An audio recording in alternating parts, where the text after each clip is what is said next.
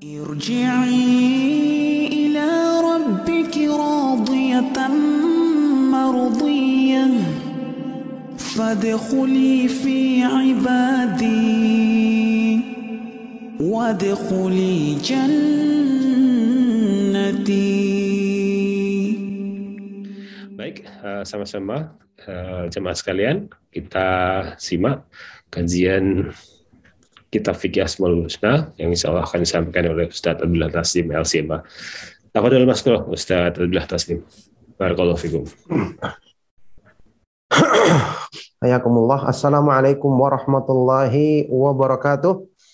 Waalaikumsalam. Innal hamdalillah nahmaduhu wa nasta'inuhu wa nastaghfiruh wa na'udzu billahi min shururi anfusina wa min sayyiati a'malina. May yahdihillahu wa may yudlil. Wa asyhadu an la ilaha illallah wahdahu la syarika lah. wa asyhadu anna Muhammadan 'abduhu wa rasuluh. Allahumma salli wa sallim wa ala nabiyyina Muhammad wa ala alihi wa sahbihi wa man tabi'ahum bi isanin ila yaumiddin. Alhamdulillah Ma'asyiral muslimin, ma'asyiral ikhwah wal akhwat fid din, para ikhwan dan akhwat, jamaah kajian sahabat ilmu Darmais rahimakumullah. Alhamdulillah kita bersyukur kepada Allah Subhanahu wa taala yang kembali dengan taufiknya kita dipertemukan di malam hari ini dalam majelis ilmu yang mulia dalam lanjutan kajian kitab rutin membahas kitab yang sangat agung Fiqhul Asmaul Husna memahami nama-nama Allah Subhanahu wa taala yang maha indah. Insya Allah di kesempatan malam hari ini kita akan membahas nama Allah Al-Afu yang maha pemaaf, Al-Ghafur, Al-Ghaffar yang maha pengampun dan At-Tawwab yang maha penerima taubat, yang maha menerima taubat. Ikhwan dan akhwat fiddin rahimakumullah ya. Ketika kita mendengarkan ini adalah termasuk nama-nama Allah Subhanahu wa taala yang maha indah. Al-Afu, Al-Ghaffar, Al-Ghafur, Maha Pemaaf, Maha Pengampun, At-Tawwab, Maha Penerima Taubat. Sebagai seorang hamba, pasti kita akan merasakan satu makna yang menyejukkan hati. Ya. Zat yang kita ibadai, yang kita selalu berusaha untuk tunduk kepadanya, selalu mengikhlaskan agama kepadanya, zat yang kita selalu menetapkan bahwa ibadah ibadah adalah haknya semata-mata tidak ada sekutu baginya ternyata dia memiliki sifat-sifat yang maha mulia memiliki nama-nama yang maha indah yang berhubungan dengan pemaafan pengampunan dan penerima tobat sehingga kita yang mengetahui diri kita penuh dengan kesalahan dan kekurangan alhamdulillah tetap menemukan jalan keluar agar hubungan kita tidak rusak, tidak jauh dari Allah Subhanahu wa taala dengan cara kita selalu memohon ampun kepadanya. Dengan cara kita selalu memohon pemaafannya apalagi di waktu-waktu dikabulkannya doa. Sudah pernah kita jelaskan ini merupakan di antara sifat hamba-hamba Allah yang beriman yang disebutkan di dalam Al-Qur'an, kanu qalilan minal laili ma yahja'un wa bil ashari hum yastaghfirun. Mereka adalah orang-orang yang sedikit tidurnya di malam hari dan di waktu-waktu sahur sepertiga malam yang terakhir mereka selalu memohon ampun kepada Allah Subhanahu wa taala. Jadi kita merasa optimis bahwa meskipun kita punya banyak kekurangan-kekurangan dalam ibadah, banyak pelanggaran-pelanggaran tidak sempurna dalam melaksanakan amalan soleh, masih banyak hawa nafsu yang kita perturutkan, tapi karena kita berhadapan dengan Allah yang maha pengampun, maha penyayang, maha pemaaf, maha penerima taubat, maka kita menjadikan menjadikan diri kita optimis untuk selalu bisa dekat dengan Allah Subhanahu wa taala untuk selalu meminta pengampunan darinya. Huwa ahlut taqwa wa ahlul maghfirah. Dialah Allah tempat kita bertakwa dan tempat kita selalu memohon pengampunan kepadanya. Tapi barakallahu fikum, kita akan baca ya kita fikih Asmaul Husna yang ditulis oleh Syekh Abdul Razak bin Abdul Muhsin Al-Badr hafidhahumullah taala kita baca keterangan beliau dalam kitab ini dalam pembahasan tentang nama Allah ini nama-nama Allah ini disatukan karena maknanya berdekatan ya maknanya berdekatan baik kalau Allah taala Allah Subhanahu wa taala berfirman di surat Al-Hajj ayat ke-60. A'udzubillahi minasyaitonir rajim. Dzalika wa man 'aqaba bimithli ma 'uqiba bihi thumma bughiya 'alaihi la yansurannahu Allah innallaha la'afuwun ghafur. Yang demikian itu barang siapa yang memberikan hukuman seperti hal yang ditimpakan kepada dirinya kemudian dia didolimi maka sungguh Allah Subhanahu wa taala akan menolongnya. Sesungguhnya Allah Subhanahu wa taala Maha Pemaaf lagi Maha Pengampun. Digandengkan kedua nama ini tentu saja ya memiliki makna yang mendalam sehubungan dengan pengampunan dosa-dosa pemaafan dan pengampunan bagi kesalahan-kesalahan hamba kemudian di surat An-Nisa ayat 99 Faulaika asallahu ay ya'fuwa anhum wa kana Allahu afuwan ghafura. Maka mereka-mereka inilah yang semoga Allah Subhanahu wa taala akan memaafkan mereka dan bahwasanya Allah Subhanahu wa taala Maha Pemaaf lagi Maha Pengampun. nah, kemudian di surat Al-Ahzab ayat 73.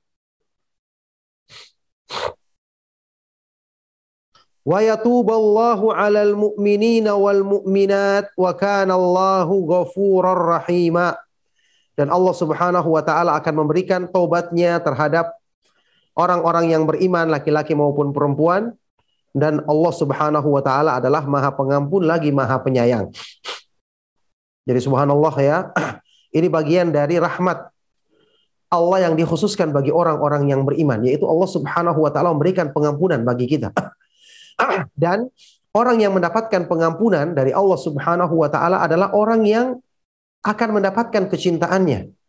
Maka ini menunjukkan kepada kita ya motivasi untuk selalu bertobat dan mohon ampun kepada Allah Subhanahu wa taala atas dosa-dosa yang kita lakukan. Kalau tadi kita sebutkan orang-orang yang soleh saja yang mereka itu jarang berbuat dosa, tetap mereka merutinkan bil asharihum yastaghfirun.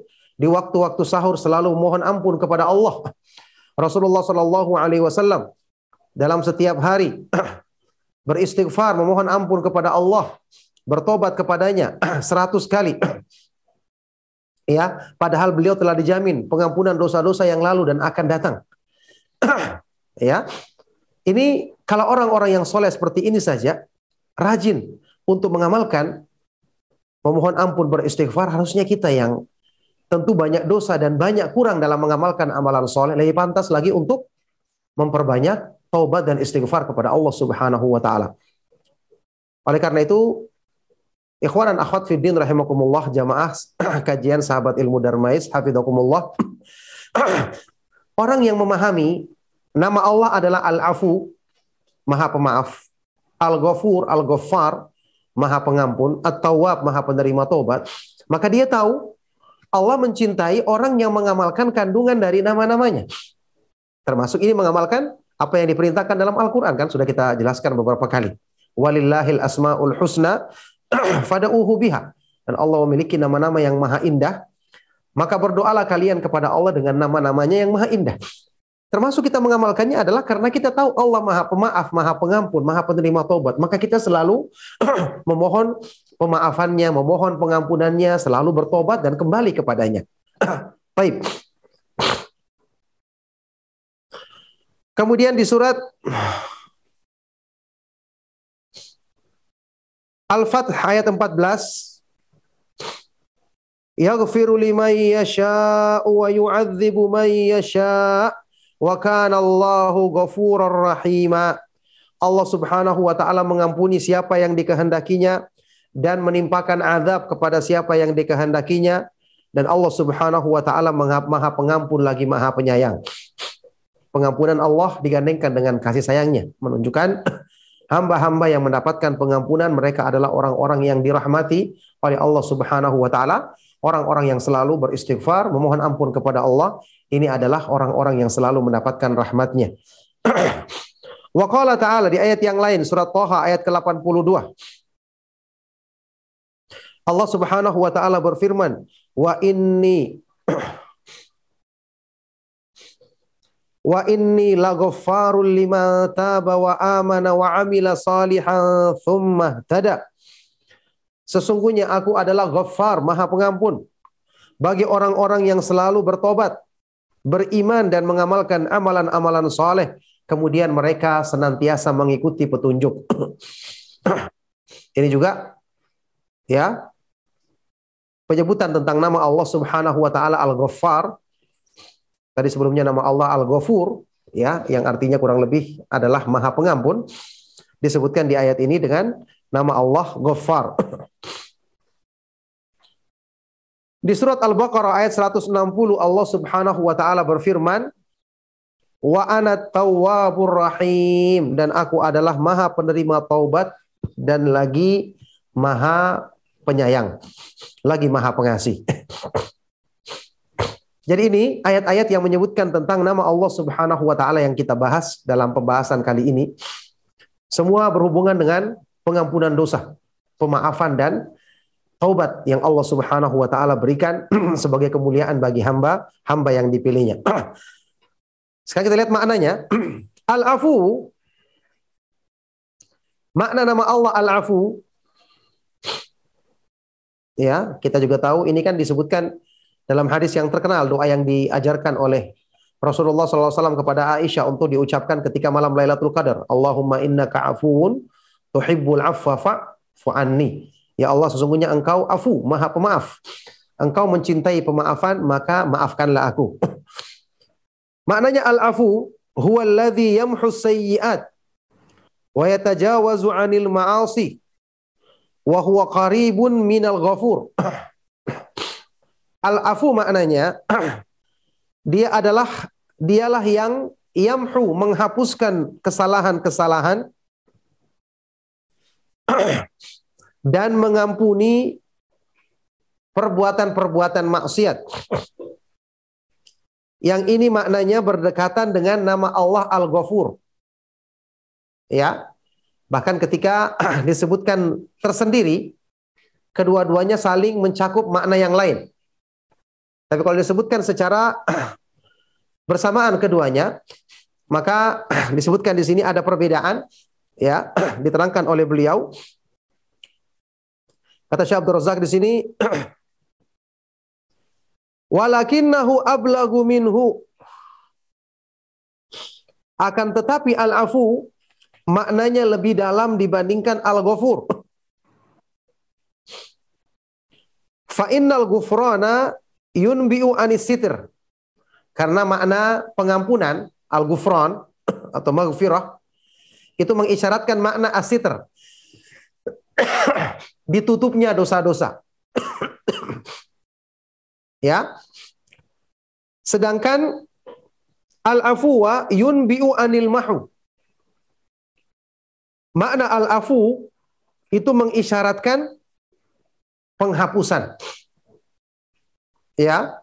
Wal mahu ablagu minasitr dan penghapusan tentu lebih dalam dibandingkan sekedar ditutup saja.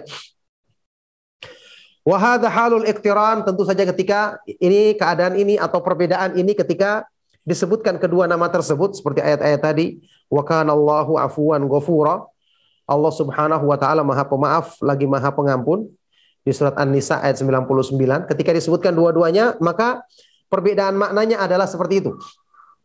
Kalau al-afu mengisyaratkan makna penghapusan, kalau al-ghufran mengisyaratkan makna ya al-ghafur mengisyaratkan makna ditutup as-satr, di sitr ditutup kesalahan-kesalahan tersebut. Nah, tapi kalau kata beliau wa amma halun firadihima adapun ketika disebutkan satu saja al-ghafur sendiri atau al-afu sendiri fa inna kulla wahidin minhuma yatanawalu ma'nal akhar maka masing-masing dari keduanya meliputi atau mencakup makna yang lain. ya, ketika disebutkan tersendiri tentu Al-Ghafur ya, termasuk di dalamnya ada menutupi kesalahan-kesalahan dan juga menghapuskan dosa-dosa hamba-hambanya yang selalu mohon ampun kepadanya. nah, itulah makna Al-Afu dan Al-Ghafur. Makanya ini jelas sekali berhubungan dengan permohonan ampun atas dosa-dosa dan kesalahan kita. Kita sebut nama ini karena berhubungan dengan penghapusan penghapusan dosa-dosa dan dihapuskannya kesalahan-kesalahan kita. Sedangkan At-Tawwab, At-Tawwab Maha penerima taubat. Huwallazi yatubu ala man yasha'u min ibadihi lit-taubah. Dialah yang memberikan taubatnya kepada siapa yang dikehendakinya dari hamba-hambanya dengan Allah berikan taufik baginya untuk bertobat. Bisa kita bayangkan ya. ini nama Allah yang agung At-Tawwab. Taubat ini adalah untuk kepentingan kita. Agar dosa-dosa kita dihapuskan. Agar kita tidak celaka dan binasa seandainya dosa-dosa dan kesalahan tersebut menetap pada diri kita. Jadi siapa yang butuh bertobat? Kita yang butuh. Bersamaan dengan itu, Allah berikan taufik kepada hambanya untuk bertobat dan dia yang menerima taubat tersebut. Kemudian dia juga yang memberikan balasan kebaikan yang berlimpah kepada hamba ketika dia bertobat ya karena dia mengamalkan nama Allah Subhanahu wa taala At-Tawwab, Maha penerima taubat. Jadi dialah yang memberikan taubat kepada siapa yang dikehendaki dari hamba-hambanya dengan Allah berikan kepadanya taufik untuk bertobat kepadanya. Kama qala subhanahu sebagaimana ini yang disebutkan dalam firman Allah di surat At-Taubah ayat 118. Thumma taba alaihim liyatubu innallaha huwa tawwabur rahim. Kemudian Allah Subhanahu wa taala memberikan taubat kepada mereka agar mereka bertobat. Sesungguhnya Allah Subhanahu wa taala Maha penerima taubat dan Maha pengasih. Wabil qabuli laha ya. Jadi Allah yang memberikan eh, taufik kepada hamba untuk bertobat dan juga memberikan taufik agar hamba ini supaya dia menerima taubat dari hamba ini. Ini juga adalah taufik dari Allah Subhanahu wa taala. Kama qala subhanahu sebagaimana firman Allah Subhanahu wa taala di surat Asy-Syura ayat ke-25 wa huwa alladhi yaqbalu taubata an ibadihi wa ya'fu 'anis sayyiati wa ya'lamu ma taf'alun dan dialah Allah yang menerima taubat dari hamba-hambanya serta memaafkan kesalahan-kesalahan mereka dan maha mengetahui apa yang kalian perbuat. Masya Allah ini benar-benar merupakan kasih sayang dan kebaikan-kebaikan yang Allah berikan kepada kita dengan Allah Subhanahu wa taala senantiasa memudahkan bagi kita untuk bertobat, memohon ampun dengan taufiknya kepada Allah Subhanahu wa taala kemudian menerima tobat dan menghapuskan dosa-dosa dari hambanya tersebut. Kita masih ingat sabda Rasulullah sallallahu alaihi wasallam dalam hadis yang sahih, "Innallaha yabsutu yadahu bil-laili liyatuba musi'un nahar wa yabsutu yadahu bin nahari liyatuba musi'ul lail. Sesungguhnya Allah Subhanahu wa taala membentangkan tangannya di malam hari untuk menerima tobat orang-orang yang berbuat salah di siang hari. Dan dia membentangkan tangannya di siang hari untuk menerima tobatnya orang-orang yang berbuat salah di malam hari. Sungguh Allah Subhanahu wa taala maha sempurna kebaikannya. Semakin kita mendalami kandungan makna nama-namanya yang maha indah pasti kita akan semakin mencintai Allah semakin mengagungkannya, semakin tunduk kepadanya, dan semakin selalu ingin mendekatkan diri kepadanya. Baik. Kata Syekh selanjutnya, wal afu wal maghfiratu min lawazimi dzatihi la yakunu illa kadzalik. Wal afu sifat maha pemaaf dan maha mengampuni, maha pengampun. Ini adalah termasuk lawazim zat. termasuk lawazim. Kelaziman yang ada pada zat Allah subhanahu wa ta'ala. Sesuatu yang selalu ada pada zat Allah subhanahu wa ta'ala yang maha agung. La yakunu illa kadhalik. Tidak akan pernah lepas dari hal ini. Allah senantiasa maha pemaaf lagi maha pengampun. Wala ya, tazalu atharu dzalika wa tashmalul khaliqata ana al-laili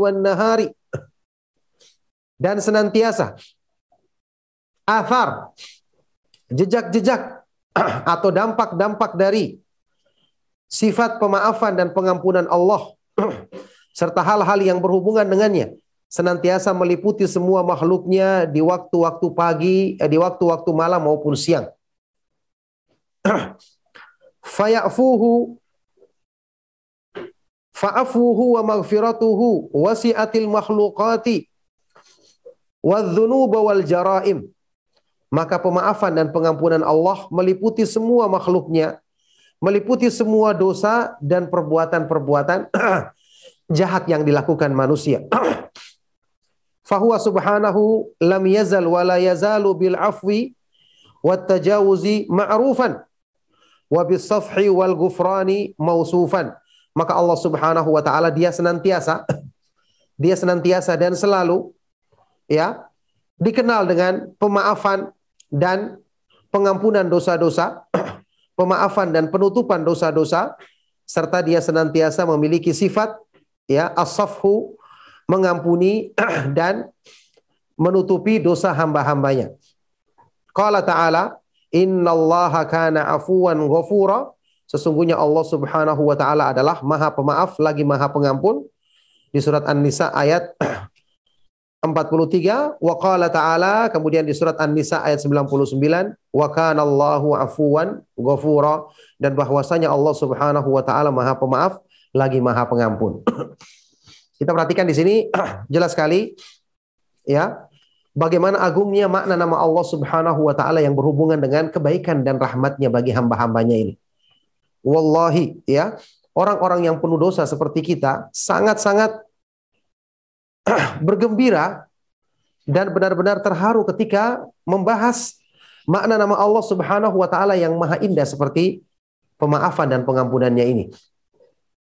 Kita yang penuh dengan kesalahan dan dosa ternyata tidak menjadi sebab untuk kita diusir dari rahmat Allah Subhanahu wa taala selama kita selalu berusaha untuk bertobat dan memohon ampun kepadanya. Masih ingat sabda Rasulullah sallallahu alaihi wasallam dalam hadis yang sahih yang diriwayatkan oleh Imam Ahmad, "Kullu bani Adam khata'un wa khairul khata'ina at-tawwabun." Kullu bani Adam khata'un wa khairul khata'ina at-tawwabun. Semua manusia, semua anak Adam adalah khata, banyak berbuat salah, banyak berbuat keliru. Dan sebaik-baik orang yang banyak berbuat salah adalah at-tawwabun, adalah orang yang selalu bertobat kepada Allah Subhanahu wa taala. Maka orang yang mengenal Allah Subhanahu wa taala pasti dia akan selalu bersandar kepada sebab-sebab rahmatnya, tidak berputus asa dari rahmat Allah ya Meskipun bukan berarti juga dengan ini dia meremehkan perbuatan maksiat dan dosa dengan bersandar kepada pengampunan jelas tidak mungkin seperti itu. Kalau dia mengetahui Allah Subhanahu wa taala Maha Pemaaf, pengampun, di sisi lain dia mengetahui Allah Subhanahu wa taala Maha keras siksaannya, syadidun dzuntiqam, Maha keras dan Maha kuat siksaannya. Allah Subhanahu wa taala Maha kuat lagi Maha perkasa, pastinya ini akan menjadikan dia takut untuk berbuat maksiat secara sengaja atau secara terang-terangan ya, tetapi dengan dia mengenal Allah Subhanahu wa taala Maha Pemaaf lagi Maha Pengampun, dia akan memanfaatkan dengan sebaik-baiknya ketika dia berbuat salah untuk selalu kembali memohon ampun dan bertobat kepada Allah Subhanahu wa taala. Baik.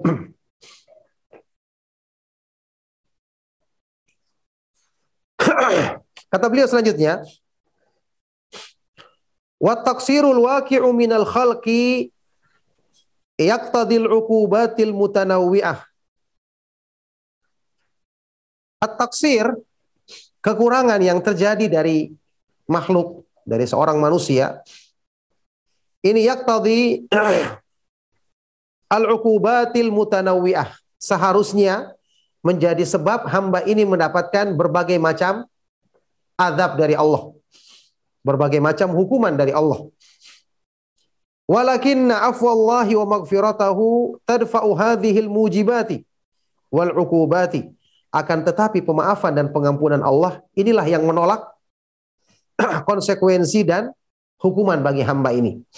Subhanallah. Kalau bukan karena pemaafan dan pengampunan Allah, berapa banyak dosa yang kita lakukan menjadi sebab Allah Subhanahu wa taala menimpakan keburukan bagi hambanya ini seandainya bukan karena pemaafan dan pengampunan Allah Subhanahu wa taala. Allah Subhanahu wa taala berfirman, "Walau yu'akhidullahu an-nasa bima kasabu ma taraka ala dhahriha min dabbati walaki yu'akhiruhum walaki yu'akhiruhum ila ajalim musamma fa idza jaa ajaluhum fa innallaha kana bi'ibadihi basira." Surat Fatir ayat ke-45. Seandainya Allah Subhanahu wa taala mengadab manusia akibat perbuatan buruk yang mereka lakukan, maka niscaya Allah tidak akan membiarkan tidak akan membiarkan satu binatang melata pun ada di muka bumi ini.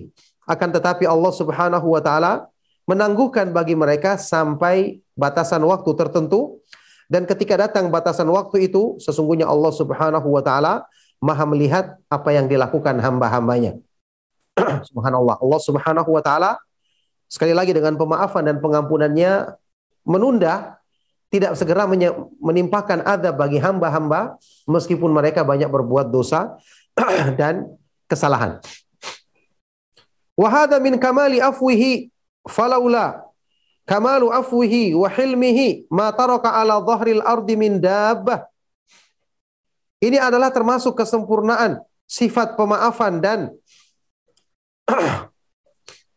sifat sifat pemaafan Allah Subhanahu wa taala. Kalau bukan karena sempurnanya pemaafan dan kelembutannya, maka dia tidak akan membiarkan di muka bumi ini ada satu binatang melata pun yang tersisa. Semua akan dihancurkan ketika Allah kalau seandainya Allah mengadab semua makhluknya. Ingat Allah Maha Kuasa atas segala sesuatu. Ketika hamba-hambanya berbuat salah dan maksiat, siapa yang bisa mencegah Allah untuk mengadab semua mereka? Membinasakan menimpakan kebinasaan bagi mereka kalau Allah menghendaki. Demi Allah, kalau bukan karena rahmat, karena pemaafan dan pengampunannya, maka hal ini ya tentu saja Allah Subhanahu wa taala Maha Kuasa untuk melakukan apa yang disebutkan dalam ancaman di ayat ini. Nah, wa mithluha qauluhu ta'ala yang semakna dengan ini firman Allah di ayat lain An-Nahl ayat 61.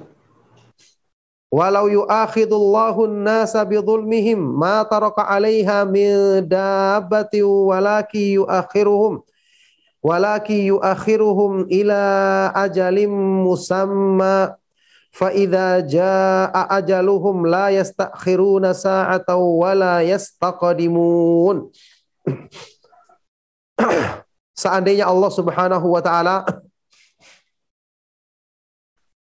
ingin mengadab manusia karena perbuatan dolim yang mereka lakukan, karena perbuatan dolim yang mereka lakukan, maka niscaya Allah tidak akan membiarkan tersisa satu binatang melata pun di muka bumi ini. Akan tetapi Allah Subhanahu wa taala memberikan tangguh bagi mereka sampai waktu yang tertentu dan ketika telah datang waktu yang tertentu itu mereka tidak akan bisa mengakhirkannya, menundanya ataupun memajukannya. Tidak akan bisa mengakhirkannya ataupun memajukannya. Ini juga merupakan bagian dari sifat pemaafan dan pengampunan Allah Subhanahu wa taala bagi hamba-hambanya sehingga Allah Subhanahu wa taala tidak menjadikan azab yang ditimpakan kepada hamba-hambanya karena perbuatan zalim yang mereka lakukan. Baik, jadi di sini kita perhatikan ya. Ma'asyiral ikhwah wal akhwat fiddin rahimakumullah jamaah kajian sahabat ilmu Darmais rahimakumullah ya kita perhatikan makna dari al-afu dan pemaafan Allah Subhanahu wa taala ternyata luas. Bukan hanya berkenaan dengan pengampunan dosa-dosa, penghapusan kesalahan-kesalahan dan maksiat, ternyata berhubungan juga dengan penangguhan azab yang harusnya ditimpakan kepada manusia karena kezaliman yang sudah mereka lakukan berkali-kali dan keburukan-keburukan yang mereka kerjakan demikian banyak. Tapi karena pemaafan dan pengampunan Allah Subhanahu wa taala hal ini berikan tangguh bagi manusia ya. Tidak Allah Subhanahu wa taala timpakan hal itu kepada manusia secara merata. Wa min hadzal babi ma warada fi sahihaini min hadis Abi Musa al-Asy'ari radhiyallahu anhu qala. Qala Rasulullah sallallahu alaihi wasallam laisa ahadun aw laisa syai'un asbara ala adzan sami'ahu min Allah innahum la yad'una lahu la yad'una lahu waladan wa innahu la yu'afihim wa yarzuquhum. Ya termasuk hal yang menunjukkan makna ini adalah hadis yang terdapat di dalam Sahih Bukhari dan Muslim. Dari riwayat sahabat yang mulia Abu Musa al-Ash'ari ya nama beliau adalah Abdullah ibnu Qais radhiyallahu taala anhu Abu Musa al-Ash'ari Abdullah ibnu Qais radhiyallahu taala anhu beliau berkata Qala Rasulullah sallallahu alaihi wasallam, Rasulullah sallallahu alaihi wasallam bersabda, "Laisa ahadun au laisa syai'un." Tidak ada seorang pun, tidak ada sesuatu pun asbara ala adzan sami'ahu. Yang lebih bersabar menghadapi gangguan yang didengarnya. Bersabar men menghadapi gangguan yang menyakiti yang didengarnya dibandingkan Allah Subhanahu wa taala. Kenapa demikian? Innahum la yad'una lahu waladan. Mereka mengaku Allah Subhanahu wa taala memiliki anak. Mereka menisbatkan kepada Allah anak tapi Allah Subhanahu wa taala bersamaan dengan itu senantiasa memberikan pemaafan dan tetap melimpahkan rezeki kepada mereka. Bayangkan orang yang berbuat syirik mengucapkan perbuatan kufur, kalimat-kalimat kufur yang paling dimurkai oleh Allah. Bersamaan dengan itu Allah Subhanahu wa taala tetap bersabar mendengarkan semua itu. Artinya Allah tidak membinasakan mereka semua ya padahal mereka mengaku-ngaku Allah punya anak berbuat syirik, berbuat kufur, wa innahu la yu'afihim wa yarzuquhum, tapi tetap Allah Subhanahu wa taala memberikan pemaafan kepada mereka dan senantiasa melimpahkan rezekinya kepada kepada mereka. Masya Allah ini benar-benar merupakan ya pelajaran yang menjadikan kita semakin mengenal Allah Subhanahu wa taala, semakin menambah kecintaan, kekaguman kita dan pengagungan kita terhadap Allah Subhanahu wa taala, semakin kita mengenal kandungan namanya, nama-namanya yang maha indah dan sifat-sifatnya yang maha tinggi dan maha terpuji. Alhamdulillah. Ikhwan dan akhwat fiddin rahimakumullah. Anak kita cukup ya yang kita ambil di kesempatan malam hari ini untuk kajian kita. Mudah-mudahan apa yang kita bahas dan kita kaji bermanfaat. Ya, saya persilakan kalau ada pertanyaan-pertanyaan yang ingin disampaikan. Barakallahu fikum. Sallallahu wasallam wa ala nabiyina Muhammad wa ala alihi wa sahbihi ajma'in. Walhamdulillahi rabbil alamin. Alhamdulillahirrahmanirrahim. Barakallahu fikum Ustaz atas penyampaian materi uh, pada malam hari ini. Bapak Ibu jamaah sekalian yang mungkin baru bergabung bersama kami, yang barusan kita simak adalah kajian kitab Fikih Asmaul Husna yang pada malam hari ini kita membahas tentang nama Allah yaitu Al-Afu, Al-Ghaffar atau Al-Ghafur dan Al atau Al-Tawwa yang maha maaf, maha mengampun, dan maha penerima taubat bersama Ustadz Abdullah Tasim BLCMA. Dan uh, para jemaah sekalian yang ingin bertanya silahkan menuliskan pertanyaan di kolom chat atau juga bisa melalui raise hand yang ingin bertanya langsung. Dan sudah ada beberapa pertanyaan Ustadz di kolom chat, izin saya bacakan. Bismillahirrahmanirrahim. Assalamualaikum Ustadz izin bertanya. Apakah orang-orang ya. yang bertaubat Allah akan kasih ujian? Dan jika bisa melewati ujian itu, apakah terus Allah memberikan ujian lebih berat dari sebelumnya? Dengan diberi ujian kepada umatnya yang sudah bertaubat, apakah bisa menghapus semua dosa-dosa yang lampau? Kemudian uh, istighfar dan doa apa yang dicontohkan oleh Rasul? Jazakallah khairan Ustaz. Barakallahu fikum.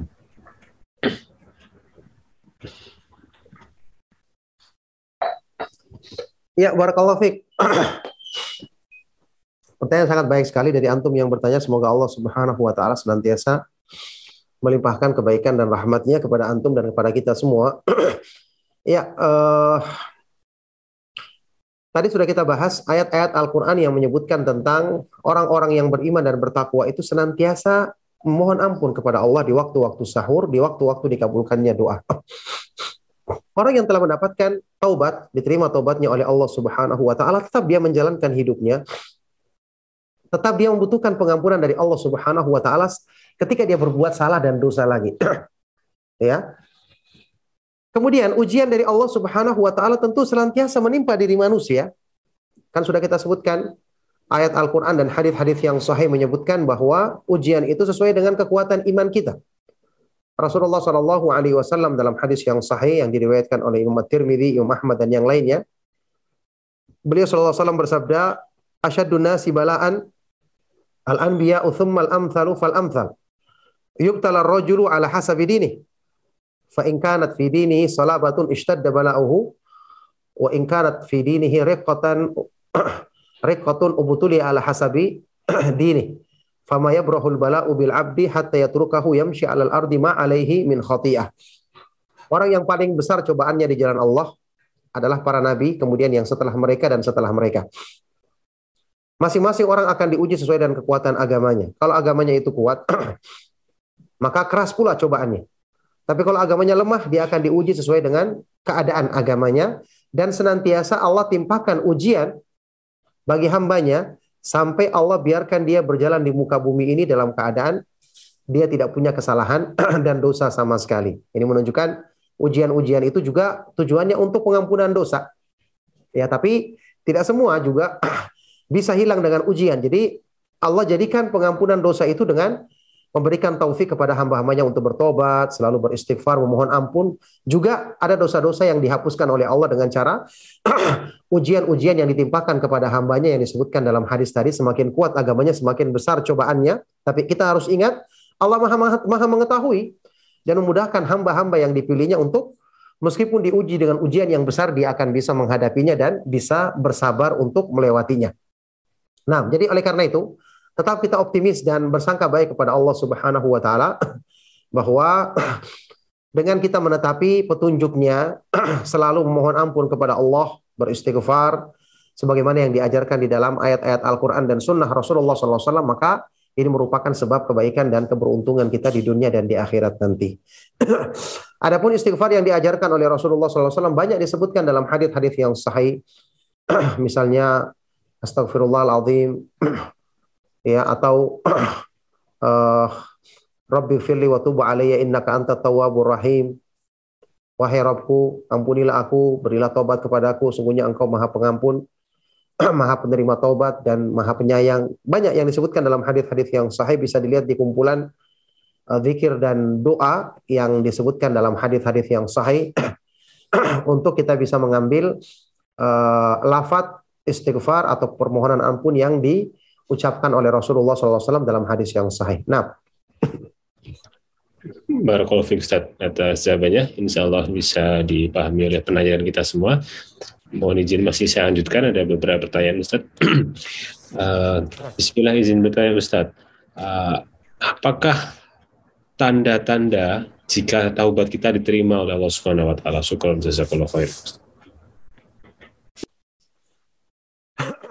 Ya, barakallahu fiik. Pertanyaan sangat baik sekali. Semoga Allah Subhanahu wa taala senantiasa memudahkan kebaikan bagi antum yang bertanya dan juga bagi kita semua. Tanda-tanda taubat diterima oleh Allah Subhanahu wa taala. Tentu kalau kita memastikan, ya eh, kita tidak bisa memastikan, tapi kita hanya berharap. Adapun ciri-cirinya secara umum, ya semua kebaikan ciri-cirinya adalah seperti penjelasan dari Imam Ibnu Rajab Al-Hambali rahimahullah taala, Inna thawabal hasanati al hasanatu ba'daha. Balasan perbuatan baik adalah semangat melakukan kebaikan setelahnya. Kalau kita bertobat dengan sungguh-sungguh dan diterima oleh Allah, insya Allah setelah itu Allah akan memudahkan kita untuk selalu berbuat baik dan meninggalkan keburukan. Kalau kita bersungguh-sungguh dalam bertobat, maka Allah akan memudahkan kita dengan taufiknya untuk selalu menetapi amal-amal soleh setelah itu dan meninggalkan keburukan-keburukan serta tidak mengulangi mengulanginya lagi. Insya Allah ini merupakan ciri-ciri atau tanda-tanda tobat yang diterima oleh Allah Subhanahu wa taala. Nah. Ustaz, Barakallahu fikum Ustaz. Ustaz ini ada satu pertanyaan juga tapi di luar tema Ustaz. Bismillahirrahmanirrahim. Assalamualaikum. Ya, silakan. Ustaz izin bertanya, eh, bagaimana tafsir Al-Quran surat Al-Baqarah ayat 30? Mohon penjelasannya Ustaz.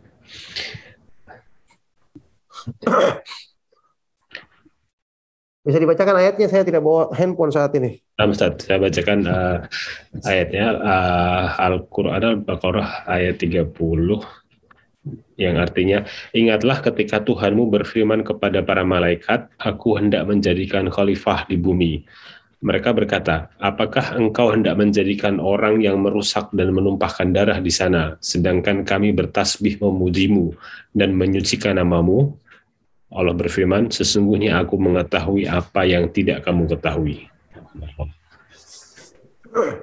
Ya, barakallahu fiik. Ayat ini berhubungan dengan ketika Allah Subhanahu wa taala ingin menciptakan manusia ya, untuk menghuni permukaan bumi ini, maka Allah Subhanahu wa taala berfirman kepada malaikat, "Inni ja'ilun fil ardi khalifah, sesungguhnya aku akan menjadikan ada orang-orang di muka bumi ini yang manusia yang akan menempatinya." maka malaikat berkata, "Apakah kamu akan menempatkan orang yang akan membuat kerusakan, menumpahkan darah sementara ada kami yang selalu memuji, mensucikan namamu?" Maka Allah Subhanahu wa taala berfirman, sesungguhnya aku mengetahui apa yang tidak kamu ketahui. Maksudnya di sini para malaikat ya seperti disebutkan diterangkan dalam sebagian tafsir, para malaikat mengetahui bahwa dulu di muka bumi ini ada makhluk yang ditempatkan tapi kemudian mereka melakukan kerusakan. ya, pertumpahan darah, kerusakan dan seterusnya sehingga mereka mengingat menyebut kembali hal tersebut. Tapi Allah Subhanahu wa taala mengingatkan bahwa dia maha mengetahui apa yang mereka tidak ketahui, yakni Allah memiliki hikmah yang sangat tinggi ketika menciptakan manusia dan menempatkan mereka di muka bumi ini untuk mengajak, mendakwakan tauhid, untuk menegakkan agama Allah Subhanahu wa taala dan untuk beramar ma'ruf nahi mungkar mengajak manusia ke jalan Allah Subhanahu wa taala dan banyak hikmah-hikmah yang lain. Makanya Allah Subhanahu wa taala menyebutkan di akhir ayat tadi, sesungguhnya aku mengetahui apa yang kalian tidak ketahui. Nah, Jazakallah khair Ustaz atas uh, jawabannya. Masih izin saya lanjutkan uh, pertanyaan lagi Ustaz. Assalamualaikum warahmatullahi wabarakatuh Pak Ustaz. Apakah ujian pembersihan doa hanya ujian yang sifatnya kesusahan dan kesedihan saja? Bagaimana jika ujian kebahagiaan dan kelapangan hidup, apakah juga termasuk dalam ujian pembersihan doa Ustaz? Barakallahu fikum. Ya, kita tahu yang namanya ujian bukan cuma ujian kesusahan saja. Allah Subhanahu wa taala berfirman, "Wa nabluukum bisyarri wal khairi fitnatan wa ilaina turja'un." Dan kami akan menguji kalian wahai manusia kadang dengan keburukan yakni bencana, kesusahan, wal khair kadang dengan kebaikan yaitu nikmat sebagai fitnah, sebagai ujian bagimu dan hanya kepada kamilah kalian semua akan dikembalikan. Tentu saja ketika menghadapi ujian-ujian ini Allah Subhanahu wa taala menjanjikan penghapusan dosa bagi orang yang bersabar ketika menghadapi ujian dan bersyukur ketika mendapatkan nikmat. ya. ketika dia mendapatkan ujian, dia bersabar, maka itu menjadi sebab digugurkannya dosa-dosanya. Sampai-sampai kata Rasulullah SAW, Ma min musibatin tusibul muslima illa kaffarallahu biha anhu hatta syaukatin yushakuha. Tidak ada satu musibah pun yang menimpa seorang muslim kecuali Allah akan jadikan sebagai penggugur dosa-dosanya sampai pun duri yang menusuknya. Tentu ketika dia bersabar menghadapinya. ketika dia bersabar menghadapinya, kemudian ketika nikmat dia bersyukur kepada Allah memanfaatkan nikmat tersebut di jalan kebaikan, maka ini menjadi sebab dimuliakannya, ditinggikan derajat hamba tersebut di sisi Allah Subhanahu wa taala. Cuman kita harus ingat bahwa penghapusan dosa-dosa yang dimaksud ya menurut sebagian dari para ulama di sini tidak mencakup dosa besar karena dosa besar itu harus dengan tobat harus dengan tobat tersendiri yang sungguh-sungguh kepada Allah Subhanahu wa taala untuk menghapuskan dosa-dosa besar bagi hamba. Nah, Alhamdulillah, Barakallahu fikum Insya Allah jelas. Pertanyaan selanjutnya kami berikan kesempatan kepada uh, saudara kita yang sudah resen. Silahkan Abu Muaz untuk di-unmute. Assalamualaikum warahmatullahi wabarakatuh. Salam. Um, Jazakallahu khair, Ustaz. Saya mau nanya tentang uh, ayat terkait uh, ini ayat di surat Al-Ahzab ayat 72 itu bahwa Allah telah menawarkan amanat kepada langit, bumi, gunung-gunung dan semua mereka itu enggan menerima itu amanat karena takut mengkhianati. Kemudian manusia apa menerima amanat dan dikatakan bahwa manusia itu amat zalim dan amat bodoh gitu. Apakah ayat ini mengandung larangan untuk apa ya menawarkan diri untuk uh, satu amanat yang memang sebetulnya di dalam kehidupan masyarakat itu apa uh, misalnya menarik sebagai pemimpin dan itu uh, masyarakat membutuhkan itu. Uh, figur seorang pemimpin yang mungkin punya dia punya karakter yang cukup baik untuk melayani masyarakat gitu. Apa, kita terlarang untuk menawarkan diri seperti itu. Kemudian juga ada di ayat yang lain di sur, uh, surat Yusuf bahwa Nabi Yusuf itu kan uh, menawarkan diri untuk uh, menjadi uh, bendahara kalau saya bendahara untuk uh, mengatasi apa, apa yang akan terjadi uh, di saat uh, Allah memberitahukan uh, di negeri Mesir itu terjadi akan terjadi kelaparan berkepanjangan dan uh, Allah berikan Nabi Yusuf itu uh, uh, ke, apa kemampuan untuk mengatasi itu. Nah itu apakah memang terlarang untuk mengajukan diri kan karena menjadi seorang pemimpin sekarang kan dia harus mencalonkan diri diri dia berani gitu mencalonkan diri apakah itu sebetulnya juga terlarang itu tadi ya jazakallahu khair assalamualaikum Iya, barakallahu fiik. Pertanyaan sangat baik sekali dari beliau yang bertanya semoga Allah Subhanahu wa taala senantiasa melimpahkan kebaikan dan rahmatnya kepada beliau dan kepada kita semua. ya, memang dalam Islam yang namanya meminta kedudukan atau jabatan itu dilarang secara asal karena ini berpotensi menjadikan orang tersebut ya berarti karena dengan ambisinya dia mencari jabatan kemungkinan besar dia akan menyalahgunakannya. Rasulullah SAW bersabda kepada sahabat siapa Abdurrahman ibnu Samurah ya radhiyallahu taala anhu la tas'alil imarah fa innaka in in u'titaha an mas'alatin wukilta ilaiha wa in u'titaha an ghairi mas'alatin u'inta alaiha. Janganlah kamu berambisi mencari kedudukan, kepemimpinan.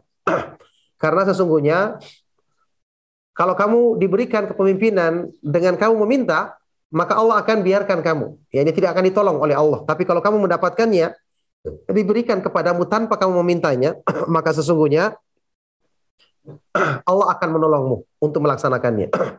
Sekarang kalau dikatakan ada orang-orang yang pantas untuk memimpin ya, sehingga harusnya dia yang mencalonkan diri, sekarang ukuran pantas siapa? Semua orang merasa dirinya pantas. Ada kelompok ini merasa orang yang dicalonkannya pantas. Ada kelompok ini juga merasa orang yang dicalonkannya pantas. Semua merasa pantas. ya. Kalau peristiwa Nabi Yusuf alaihissalatu wassalam, memang kata para ulama, seandainya kondisinya seperti yang dialami Nabi Yusuf alaihissalatu wassalam, seorang Nabi yang mulia, seorang yang sepakat, ya, orang-orang di zamannya bahwa beliau adalah orang yang paling bertakwa di zaman tersebut, ya jelas dia memegang amanah yang besar ini dia akan bisa menunaikan dengan sebaik-baiknya. Adapun di zaman kita, ya siapa yang merasa dirinya memiliki kedudukan seperti ini sehingga dia bisa mencalonkan merasa dialah yang pantas untuk menjadi pemimpin Kalau seandainya hal itu mungkin dinilai oleh orang atau berdasarkan kesepakatan orang-orang yang berilmu atau orang-orang yang punya pandangan yang bijaksana tentang siapa yang jadi, pantas jadi pemimpin ya harusnya orang-orang ini yang memilih dia bukan dia yang mencalonkan dirinya. Ya seandainya Allah Subhanahu wa taala menghendaki di satu negeri pemimpinnya baik maka Allah akan berikan taufik kepada mereka untuk memilih memilih pemimpin yang terbaik di antara mereka dengan cara Allah jadikan mereka akan menilai seseorang yang pantas dari segi ilmunya, dari segi kecakapannya memimpin, dari segi kebijaksanaannya, kemudian orang-orang akan memilih dia dan mencalonkan dia, mengangkat dia bukan dia mencalonkan dirinya sendiri, karena hal itu dilarang di dalam di dalam Islam. Ala hal, ya, kalau seandainya ada orang yang seperti ini, maka kita katakan, ya, harusnya orang-orang yang memilih dia. Orang-orang yang memilih dia. Seandainya ada orang yang kita sepakati sebagai orang yang soleh, kita pilih dia untuk dijadikan sebagai pemimpin kita yang bisa mengurus urusan kita. Tapi kalau itu hal itu tidak ada, yang ada cuma masing-masing mengaku bahwa apa yang ada atau apa yang mereka calonkan itulah yang pantas, bin dan seterusnya. Maka ini kan satu hal yang uh, tidak bisa dibenarkan dalam Islam. Artinya tidak boleh kita jadikan untuk melanggar larangan di dalam Islam yaitu larangan untuk meminta atau berambisi ingin mendapatkan jabatan atau kekuasaan. Nah, barakallahu fikum. Waalaikumsalam Terus yang berhubungan dengan pertanyaan pertama tadi Ustaz, bagaimana tentang langit dan gunung yang menolak amanat sementara manusia menerima uh, amanat. Itu Ustaz, Barakallahu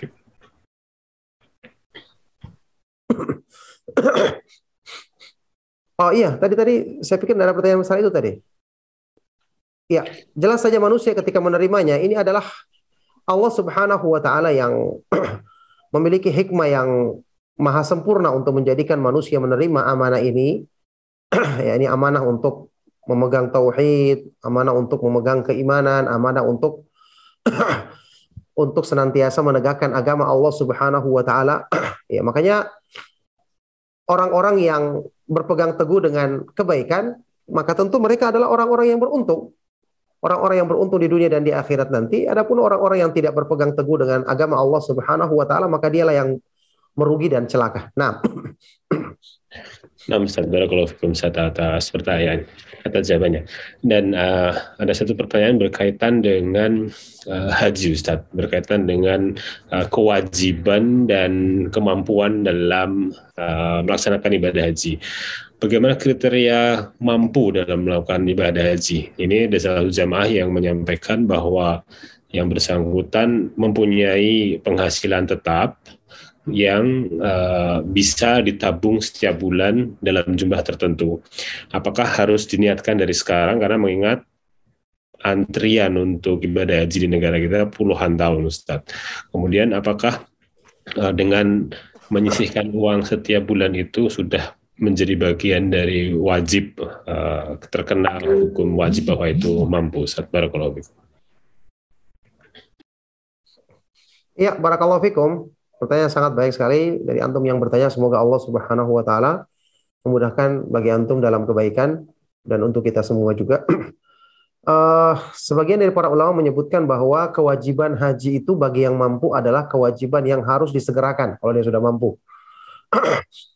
Kalau dia sudah punya kelebihan, maka segera dia usahakan termasuk tadi kalau misalnya kemampuannya adalah untuk mendaftar haji reguler, maka dia lakukan.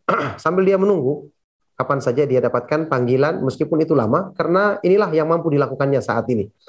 Ala hal kalau orang yang seperti tadi kondisinya dia bisa menabung punya penghasilan tetap, maka kita katakan betul Anda berusaha menabung untuk bisa menunaikan ibadah haji dari tabungan setiap bulan maka insya Allah ini merupakan sebab taufik dari Allah Subhanahu wa taala untuk memudahkan melaksanakan kebaikan tersebut.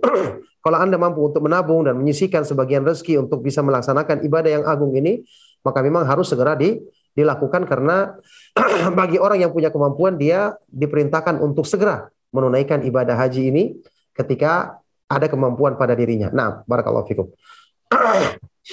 Waalaikumsalam Masih ada waktu Ustaz untuk satu atau dua pertanyaan lagi. Ya, silakan. Alhamdulillah. Uh, baik Ustaz, ini ada masih ada pertanyaan dan pertanyaan malah ada tiga. Bismillah. Ustadz izin bertanya, uh, mana yang lebih afdol kita menyembelih hewan kurban setelah sholat id Idul Adha ya dibanding dengan hari kedua atau hari ketiga. Kemudian uh, apakah orang yang meniatkan puasa Arafah pada awal-awal Zulhijjah, misalnya tanggal 1 Zulhijjah, harus mengulang lagi niatnya di tanggal 8 malam harinya. Uh, terus ada pertanyaan lagi susulan, apakah hukum berkurban atas nama orang yang telah meninggal, Ustaz? Barakallahu Iya, barakallahu fikum. Ada tiga pertanyaan tadi ya. Semoga Allah Subhanahu wa taala memudahkan rahmat dan kebaikannya kepada antum yang bertanya dan kepada kita semua. Pertanyaan eh, pertama tadi hukum menyembelih mana yang lebih afdol? Langsung setelah salat Id atau di hari kedua dan hari ketiga ya makin cepat makin bagus tentu saja. Cuman tentu sesuai dengan kesanggupan dari panitia kurban untuk menyembelih dan mengurusnya. Kalau seandainya bisa dilaksanakan satu hari itu juga maka tentu ini lebih baik. Kalau tidak maka hari kedua dan ketiga pun tetap diperbolehkan. Yang pertama. Yang kedua, orang yang berniat puasa Arafah sejak tanggal 1 Dhul Hijjah. Apakah dia perlu berniat lagi? ya, ketika dia di malam hari tanggal 8 bersahur untuk berpuasa esok harinya, maka itu sudah merupakan niat bagi dirinya. sudah merupakan niat bagi dirinya. Ketika dia mengetahui ini tanggal 8, besok adalah hari Arafah saya mau puasa, ini sudah merupakan niat bagi dirinya. Itu sudah cukup. Lagi pula kan kewajiban mempermalamkan niat itu berlaku untuk puasa yang wajib, tidak tidak untuk puasa yang sunnah. Artinya puasa yang sunnah tidak wajib, tapi ya tetap merupakan kebaikan. Ya, Rasulullah SAW bersabda, "Malam yubayyitu siyam minal lail fala siyamalahu." Barang siapa yang tidak mempermalamkan niatnya di malam hari, maka tidak ada puasa baginya. Itu berlaku bagi puasa yang wajib ya, makanya ketika dia di tanggal 8 malam hari dia meniatkan besok untuk puasa dan dengan dia bangun sahur saja itu sudah merupakan niatnya untuk puasa besok, maka ini cukup dan itu sudah mencakup keutamaan meniatkan untuk puasa Arafah tersebut. Nah, yang ketiga tentang kurban yang atas nama orang yang sudah meninggal, Ustaz. Ya, berkorban atas nama orang yang meninggal, yang sudah meninggal. Ada fatwa dari Syekh Muhammad bin Shalih Al-Utsaimin rahimahullah taala yang menyebutkan bahwa ini tidak disyariatkan kalau dijadikan tersendiri, ya. Kurban tersendiri untuk orang yang meninggal ini Rasulullah SAW tidak melakukannya, padahal Rasulullah SAW memiliki orang-orang uh, yang beliau cintai seperti Khadijah yang telah wafat sebelumnya radhiyallahu taala anha, kemudian yang lainnya, tapi Rasulullah SAW tidak pernah meniatkan kurban atau menyebutkan kurban yang khusus untuk mereka. Tapi kalau itu termasuk dari keluarga kita, termasuk yang meninggal dan yang hidup ya itu yang yang tidak mengapa karena kita berkurban misalnya kepala keluarga untuk semua anggota keluarganya baik yang masih hidup atau yang sudah meninggal. Jadi Syekh Utsaimin rahimahullah taala menyebutkan tidak ada dalil yang menyebutkan Rasulullah SAW mengkhususkan berkurban untuk orang yang sudah meninggal dunia. Nah, barakallahu fikum. Waalaikumsalam. Uh, insya Allah ada satu jemaah tadi yang sudah resen. Silahkan mau bertanya. Silahkan di unmute. Ibu Maulidah. Oh sudah diturunkan. Sekali lagi Ibu Mahmudah, apakah eh, Maulidah, apakah masih mau bertanya? Insya Allah enggak. Ini ada pertanyaan terakhir di kolom chat, Insya Allah Ustaz.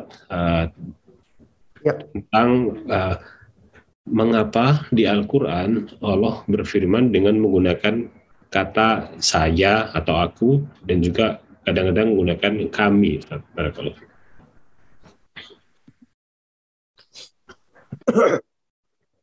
Ya, barakallahu fikum. Pertanyaan sangat baik sekali dari beliau yang bertanya. Semoga Allah Subhanahu wa taala senantiasa melimpahkan kebaikan kepada beliau dan kepada kita semua. Iya, sudah pernah kita sebutkan kami itu bisa berarti pengagungan, mengagungkan. Jadi bahkan kita gunakan dalam bahasa kita, ya. Kami yang menyampaikan pengajian atau kami ini untuk pengagungan. Ya. Bisa juga ketika Allah menyebutkan kami itu maksudnya malaikatnya. Malaikat Allah Subhanahu wa taala. yang Allah perintahkan untuk melaksanakan perintah tersebut, perintah Allah Subhanahu wa taala, malaikat yang Allah perintahkan untuk melaksanakannya, maka Allah menyebutkan kami dalam beberapa ayat demikian. Jadi itu kadang-kadang Allah Subhanahu wa taala sebutkan kami di sini untuk pengagungan ya. Juga kadang-kadang ketika Allah Subhanahu wa taala menyebutkan tentang para malaikatnya. Para kalafik. Ini pertanyaan yang terakhir di kesempatan malam hari ini. Semoga apa yang kita bahas dan kita kaji menjadi sebab kebaikan untuk dunia dan akhirat kita. Mohon maaf atas segala yang salah dan kurang. Kita akhiri. Sallallahu wasallam mubarak ala nabiyina Muhammad wa ala alihi wa sahbihi ajma'in. Walhamdulillahi rabbil alamin. Subhanakallahumma wa bihamdika. Asyadu an la ilaha illa anta astaghfiruka wa atubu ilaik. Wassalamualaikum warahmatullahi wabarakatuh.